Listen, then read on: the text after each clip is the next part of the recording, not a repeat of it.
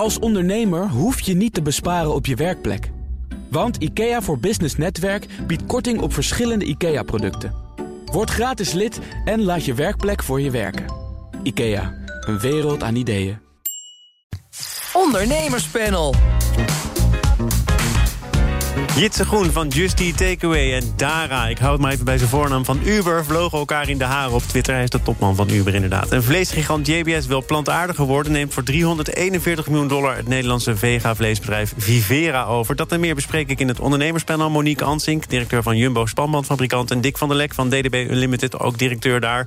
Monique, allereerst eh, met jou te beginnen. Jij staat achter een vrachtwagen, begrijp ik? Goedemiddag. Ja, nou hoi, goedemiddag. Inmiddels sta ik gewoon stil, maar eh, ik stond achter een vrachtwagen op de A7. Daar was pech en uh, er stond file, dus ik ben niet uh, in de studio helaas. Nou ja, heb je dan wel iets wat uh, mijn hart een beetje kan verwarmen? Goed eigen nieuws bijvoorbeeld? Nou, goed eigen nieuws is dat we gelukkig met het bedrijf goed door de coronacrisis zijn uh, gekomen. En het nieuws wat nu uh, speelt is dat er bijna weer een nieuwe crisis aankomt. Dat is de transportcrisis. Dus de containerprijzen zijn gigantisch uh, gestegen. En de grondstofprijzen gaan ook door het dak. Dus ja, ik weet niet hoe we deze crisis gaan noemen. Maar voor het bedrijfsleven is dit ook weer een nieuwe crisis. Ja, kun je die grondstoffen, voor zover die prijs oploopt, ook doorrekenen aan klanten? Nou, dat is altijd natuurlijk hartstikke lastig. Want de uh, verkoopprijzen in de winkel staan uh, eigenlijk altijd wel meter voor een jaar vast. Dus ja, dit, dit moet je weer met alle klanten gaan bespreken. Niemand vindt dat leuk. Dit zijn geen leuke discussies om over prijsverhogingen te praten. En de vertragingen van leveringen. Omdat heel veel grondstoffen dus onderweg nog ergens vastzitten in, in containers. Door ook die container die natuurlijk scheef stond in het Suezkanaal. Wordt het, wordt het spannend, Monique? Want als je zegt, nou, we hebben nog enigszins goed door die coronacrisis heen weten te En dan komt nu de volgende uitdaging. Heeft het je wel verzwakt, dus die coronacrisis... en zie je nu dat weer een tegenvaller... ja, misschien toch wel voor onoverkomelijke problemen kan zorgen? Nou ja, wat we net ook hoorden, wij hebben gelukkig uh, weer, uh, ook weer voordeel gehad aan de coronacrisis. Omdat mensen thuis bleven en heel veel gingen klussen en uh, ja, in Nederland op reis. Dus we hebben, en de transport ging gewoon door, dus we hebben gewoon gelukkig nog wel onze spanmannen kunnen afzetten. Maar retailers waren ook dicht, zoals de bouwmarkten waren dicht. En nog, nou, nu gaat het allemaal weer open. Maar zo'n crisis met grondstofprijsstijgingen, dat is bijna voor een bedrijf nog lastiger dan zo'n coronacrisis. Want het is gewoon niet te peilen op dit moment. Dus ja, het is vervelend. Leveringen komen te laat en het wordt allemaal duurder. Dat zijn hele negatieve dingen voor een uh, onderneming. Dick, wat is jouw eigen nieuws? Uh, ja, dat is iets vrolijker, denk ik. Gelukkig. uh, want de bierbrouwers die zijn weer helemaal los. Uh, die gaan de unlockdown in. Heineken die heeft een nieuwe commercial gemaakt. En die hebben de oude skileraar Rudy die ooit het nieuwe skiseizoen uh, opende, volgens mij in 2002. uh, en daarna uh, hebben ze weer van stal geha gehaald uit de mottenballen. En die is nu het terrasseizoen weer aan het openen. Dan hebben we de bierbrouwer Hertog Jan. Wil je even Rudy nadoen? Ik dacht dat gaat hij nu ongetwijfeld doen. Biertje! Ja, foutloos. en dat voor twintig jaar geleden. Uh, en dan hebben we Hertog Jan, die heeft een, nieuw biertje gebrouwen. Speciaal voor, de, voor het nieuwe seizoen, voor de Unlockdown. En dat biertje dat heet Het Weerzien. Ook leuk uh, gevonden. En Miller Bier, uh, die heeft een t-shirt gemaakt met lange mouwen, maar het heeft maar één lange mouw. Uh, want uh, door het ontbreken van die andere mouw ben je nog net iets sneller uh, met het vaccineren. en ben je net iets sneller weer op het terras met je eerste biertje. Vind je het goede reclames? nou, het is vrolijk. En ik denk in alle ellende hebben we dat ook een beetje na. Oké, okay, maar laat ik het zo zeggen. Heineken, Rudy, 20 jaar geleden. Ik ken hem ook nog. Ja. Maar is dat nou creatieve armoede of is dat juist nou, weten waar je eigen kracht zit? Eerlijk gezegd vond ik het niet zo sterk uitgevoerd. Het was duidelijk met wat minder geld gemaakt dan twintig uh, jaar geleden. Maar ik vond het wel leuk om dat van stal te halen. Het is natuurlijk ook maar voor een, een kort moment. Hè, dus daar kan je niet. Uh, Zie je enorm... dat er op budgetten wordt uh, gelet? Want dat wilde ik eigenlijk al vragen. Hè. Die bierbrouwers hebben grote klappen ontvangen. Nou, dat kan je in het geval van Heineken ook goed volgen in de Nederlandse media. moet je dan juist heel veel geld pompen in een relatief korte campagne? Of is het juist ook wel goed om te laten zien van nou, we hebben het met uh, beperkte middelen gedaan. Nou, dat laatste is, daar zal een consument niet naar kijken. Die zal niet denken van deze adverteerder gooit uh, geld over de balk. Dus ik denk zeker in de biersector moet je het gewoon leuk maken. En als dat leuk maken wat meer geld kost dan je in zo'n periode normaal gesproken zou uitgeven, ik denk dat er geen haan naar krijgt. Misschien intern, de aandeelhouders, maar de consument niet. We blijven even in de sfeer van eten en drinken. Uh, een ruzie tussen twee campanen, namelijk de baas van Just Eat Takeaway en die van Uber, die vlogen elkaar in de haren op Twitter, waarbij een impliciete opmerking van Jitse Groen over de Duitse ambities van Uber iets in het verkeerde keelgat schoot, namelijk dat hij uh, zou hebben gewerkt aan het uh, bewust omlaag halen van de aandelenprijs van Uber, van Just Eat, voordat ik me helemaal vergis. Ehm, Monique, moet je dit op Twitter gaan uitvechten met elkaar? Nou, mijn ervaring is eigenlijk dat het nooit echt goed is om over je concurrenten te praten. Dat is niet positief, dat geeft geen energie. Eh, maar ook zeker niet in, uh, in social media. Dat zou ik niet doen. En Jitse heeft zo'n gaaf bedrijf, die heeft zoiets gaafs neergezet. Dus ik zou veel meer van zijn eigen kracht uitgaan in zijn communicatie dan, uh, dan dit verhaal. Dus ik zou het zelf ook nooit zo gedaan hebben. En zonde. Zonde, want hij heeft zoveel moois om juist wel over te vertellen. Ja, overigens, als het dan toch gebeurt, is het dan logisch dat die baas van Uber terugslaat en zegt van nou, voordat je gaat bezighouden met wat wij doen, eh, stoppen ze dat extra aandacht in je eigen technologie? Ja, dat is natuurlijk een logische reactie. Tenminste, ah, ik zou ook niet reageren, denk ik, als ik weer in de schoenen van Uber stond. Omdat ik ja, hetzelfde zou zeggen van reageer er maar niet gewoon op. Of bel elkaar even op, maar doe dat dan niet op social media. Dus uiteindelijk uh, hebben wij het er nu ook over. En dat is niet positief. En dat is voor beide bedrijven denk ik niet positief. Dus uh, niet doen. Het ging nog verder, hè? Want uh, dus eerst werd er teruggeslagen met investeer dan in je eigen technologie. Vervolgens zei Jitse Groen, nou, voordat jij een grote mond hebt over wat wij wel of ja. niet doen, betaal je eigen werknemers eens een keertje fatsoenlijk. Ja. Ja, het is een beetje verhoeven uh, Badahari. Zo voelt het een beetje. En uh, dat past natuurlijk niet bij bestuursvoorzitters. Uh, dus in die zin ben ik het helemaal eens met Monique dat dit gewoon onprofessioneel is.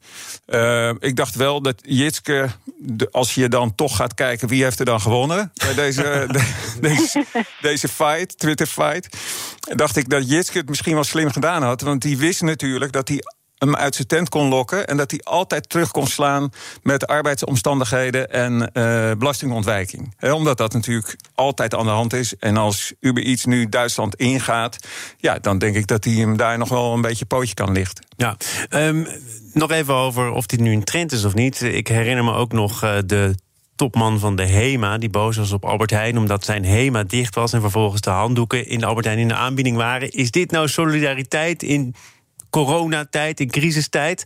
En ook dat werd een social media relletje. Het werd op LinkedIn gepost. Overigens werd het volgens mij ook weer op LinkedIn goed gemaakt. Maar Monique, jij bent hier dus zeer op tegen. Zie je het wel steeds vaker gebeuren? Dat ook topbestuurders zich dus uit de tent laten lokken?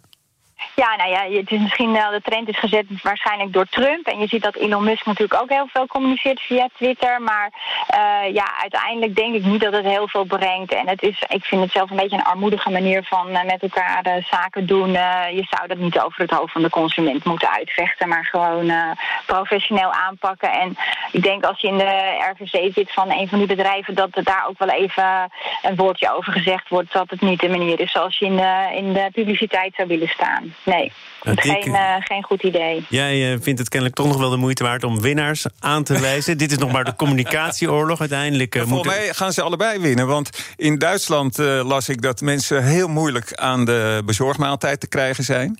dus dan is het eigenlijk ook voor Jitske wel heel goed dat daar andere marktpartijen aan meedoen. hoe meer marktpartijen zich daar druk om maken en de energie in stoppen.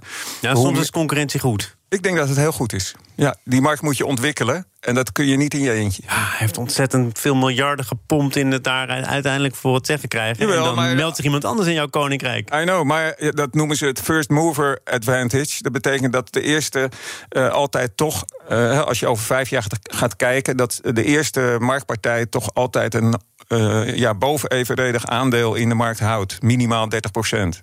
Daarover gesproken. Volgende thema. Zaken doen. Het ondernemerspanel is de gast. Monique Ansink van Jumbo Spanbandenfabrikant... en Dick van der Lek van DDB Unlimited. De Nederlandse uh, nepvleesfabrikant Vivera... wordt voor 341 miljoen dollar overgenomen... door de Braziliaanse vleesgigant JBS. En dat is wel opmerkelijk, want Vivera heeft in de voorgaande jaren... de eigen vleestak afgestoten. Vivera-directeur Willem van Weden uh, zei eerder... dat investeerders in Vivera wel aan moesten sluiten... op hun plantaardige missie. En zie, hier is het huwelijk met de grootste vleesleverancier ter wereld, Monique. Hoe kun je dat goed uitleggen? Nou ja, ik uh, kan het misschien niet helemaal goed uitleggen, want ik sta natuurlijk ook niet in de schoenen van uh, Vivera. Uh, wat je natuurlijk wel ziet, ik snap het meer vanuit de Braziliaanse vleesverwerker, want die ziet natuurlijk van hé, hey, dit is geen hype, maar dit is een trend. En ja, die, die, de meer mensen realiseren zich dat het niet goed is om veel vlees te eten, dat we terug moeten naar minder. En waarschijnlijk hebben veel mensen het nodig om een stapje te maken van vlees naar vleesvervanger naar uiteindelijk vleesloos. En dus ja, die vleesindustrie die ziet natuurlijk wel dat hun markt uh, straks kleiner gaat worden. En die krijgt last van uh, die vleesvervangers. Dus vanuit de Braziliaan begrijp ik heel goed dat ze Vivera overnemen. Zodat ze mee kunnen blijven doen uh, in deze markt. maar verder zie ik ook die vleesvervangers wel als een tijdelijke stap hoor. Het kan nog wel heel lang duren. Maar uiteindelijk is het natuurlijk een stap naar een maaltijd zonder vlees. Dus weer terug naar plant-based voedsel. Ja, dat leidt geen twijfel? Nee, dat leidt geen twijfel. Nee, dat denk ik niet. Want uiteindelijk zijn het weer ja, processed food. Het wordt weer in een fabriek gemaakt. Er zitten ook weer allerlei dingen in die ook weer niet goed voor je zijn. Dus de vraag is ook, uh, ja, hoe lang uh, blijft dat bestaan, uh, die vleesvervangers? Daar zal ook wel weer een trend in zijn naar weer weg van de vleesvervangers. Zie ik jou nou dik een beetje vies kijken of niet? Jij neemt nog geen afscheid van je tartaartje en je biefstuk. Nee, zeker niet. Zeker ik ben niet. Alvast, ik ben alvast wel vegetariër geweest hoor, ooit. Dus oh. ik kan de, de, de middenopinie op dit onderwerp heel goed voorstellen. Maar waarschijnlijk was jij echt nog vegetariër in de slechte tijd. Wat, wat at jij? Nou, dat wil je niet weten. Mijn moeder was geen uh, keukenprinses. Dus, uh, daar, en er waren eigenlijk helemaal geen vleesvervangers. Nee. Dus dat waren of hele uh, harde brokken van, van soja. Of het was een soort stuk kaas in de, in de pan gesmolten. En ja, daar heb ik het zeven jaar mee moeten doen. In mijn, in mijn groeiperiode. Nou ja, je bent, het lijkt net alsof je heel erg achtergebleven bent. Valt ook wel mee. Je kunt gewoon de microfoon bereiken. Ja, maar um, je bent kennelijk ook weer vlees gaan eten. Ja. Ja. Maar goed, laten we het uh, hebben over, over deze bedrijfsmatige kant van de zaak. Want Monique zegt vanuit uh, JBS, dat Braziliaanse bedrijf, begrijp ik het wel. Vivera, die kant van het verhaal is misschien wat ingewikkelder. Begrijp nou, dat vind ik helemaal niet. Want uh, ik denk dat, dat weet je, het is niet een vijandige overname of zo. Dit is gewoon een vrijwillige aangelegenheid. Dus Vivera heeft gedacht misschien wel van, nou, wij willen de wereld plantaardig krijgen of aan het plantaardige uh, vleesvervanger. Nou, dat doe je niet vanuit een bedrijfje in Nederland. Dat doe je alleen maar op het moment dat je geholpen wordt met het creëren van schaal. Ja, dus er waren al volgens mij de derde speler in heel Europa. Hè, om nou te Ja. doen alsof de Nederlandse MKB'er Nee, was. Dus ook ja, niet maar dat is eh, grappig. Het FD kopte van eh, wordt opgeslokt. En ja, dat klinkt natuurlijk als kop wel lekker. Maar we, hebben het, eh, eh, altijd, we beginnen koppen altijd met de energiereus... of eh, de, de, de techreus, of in dit geval de vleesreus... die alles maar opeet. Eh, maar de- in dit geval is dat helemaal niet aan de hand. Is er, eh, is er sprake van een hele goede ontwikkeling. En ik denk ook vanuit het JBS dat het heel slim is... Hè, als vlees afneemt en eh, plantaardig of vleesvervanger neemt toe...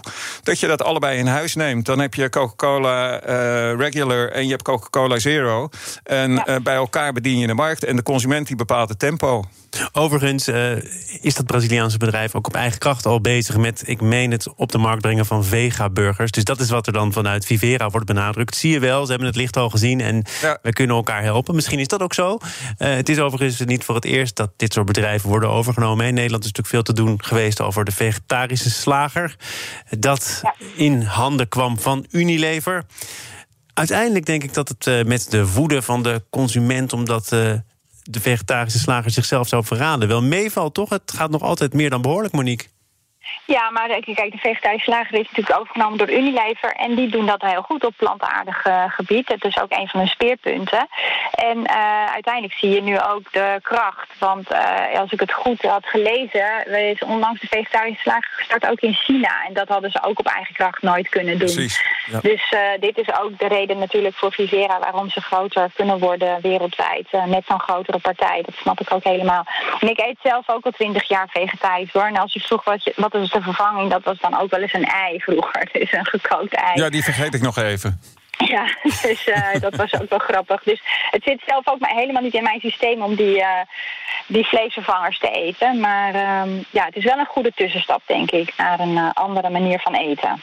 Laten wij de cirkel rondmaken, Dick. Want jij begon met het biertje dat vanaf volgende week weer voorzichtig gedronken kan worden op het terras. Moet je er wel relatief vroeg bij zijn, want om zes uur dan sluit de boel weer. Althans, dat is de bedoeling.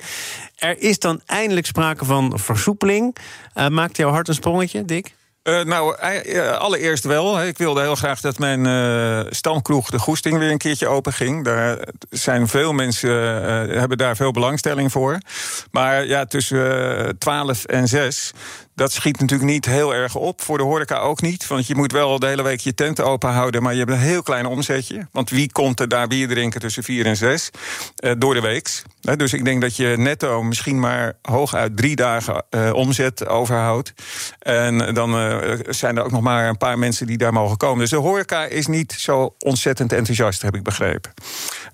het gaat ook waar de consument mogelijk niet enthousiast van wordt, is de bierinflatie. Want het schijnt dat een vaasje uh, hier in de pijp vanaf uh, volgende week uh, eh, 3,50 euro gaat kosten. Dat hebben ze ook een beetje met elkaar afgesproken, denk ik dan stiekem. en op zich gun ik het ze wel. We mogen best de eerste weken wat meer daarvoor betalen. Alleen ik denk dat het echt leidt tot inflatie, dat die prijzen daarna niet meer naar beneden gaan. Monique, uh, het gaat over de terrassen, maar er mag ook wel wat meer. Winkels mogen ook weer open, ook weer streng gecontroleerd. En daar wil ik het nog met jullie over hebben, want uh, premier Rutte liet uh, dat ook wel duidelijk blijken. Het moet allemaal wel in goede banen worden geleid. En hij rekent op gemeenten, hij rekent op toezichthouders, op BOA's en ook op ondernemers zelf. In hoeverre vind je dat die ondernemer daar ook vooral zelf verantwoordelijk voor is? Nou ja, verantwoordelijk samen met de consument natuurlijk. En ik denk dat de ondernemers dat echt prima kunnen beheersen. En uh, dat hebben we ook, uh, daar hebben we ook heel vaak voor gepleit. Leg het dan ook bij de ondernemers neer. Want die zijn heus verantwoordelijk genoeg om uh, ervoor te zorgen dat er niet genoeg, dat er niet te veel mensen in, in de winkels zijn. Dus die verantwoordelijkheid kan je daar best prima neerleggen. En iedereen moet er ook met zijn eigen verantwoordelijkheid goed mee omgaan. En ik denk, we kunnen klagen over de maatregelen, maar dat heeft ook niet zoveel zin. want als we dit niet hadden gedaan en iets anders hadden gedaan, hadden we daar ook met z'n allen weer wat van gevonden. Want je doet het denk ik vanuit de politiek op dit moment allemaal niet goed. Maar ja, die versoepeling, een beetje versoepeling is goed. En nu stap naar gewoon weer naar het nieuwe normaal. Ja, maar bij, hoort bij het nieuwe normaal, of in ieder geval de tussenfase waar we nu in zitten, ook de inzet van een Want dat schijnt te gebeuren. Hè? Toezichthouders, ja, boa's die uh, verkleed als burger alles in het werk stellen om, ook al mag het eigenlijk niet, toch binnen te komen. Een hoop stenden schoppen. En dan is de vraag: hapt de ondernemer ja of nee?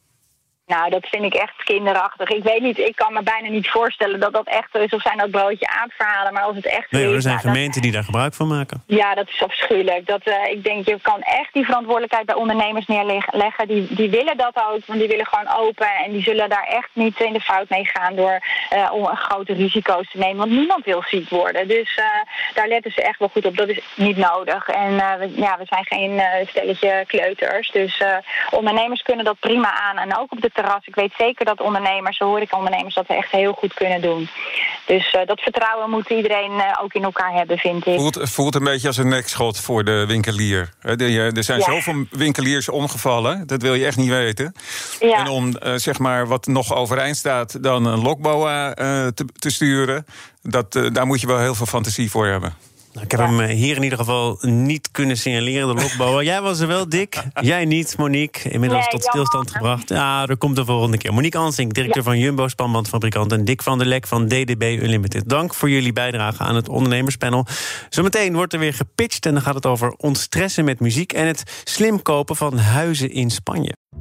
Als ondernemer hoef je niet te besparen op je werkplek. Want IKEA voor Business Netwerk biedt korting op verschillende IKEA-producten... Word gratis lid en laat je werkplek voor je werken. IKEA, een wereld aan ideeën.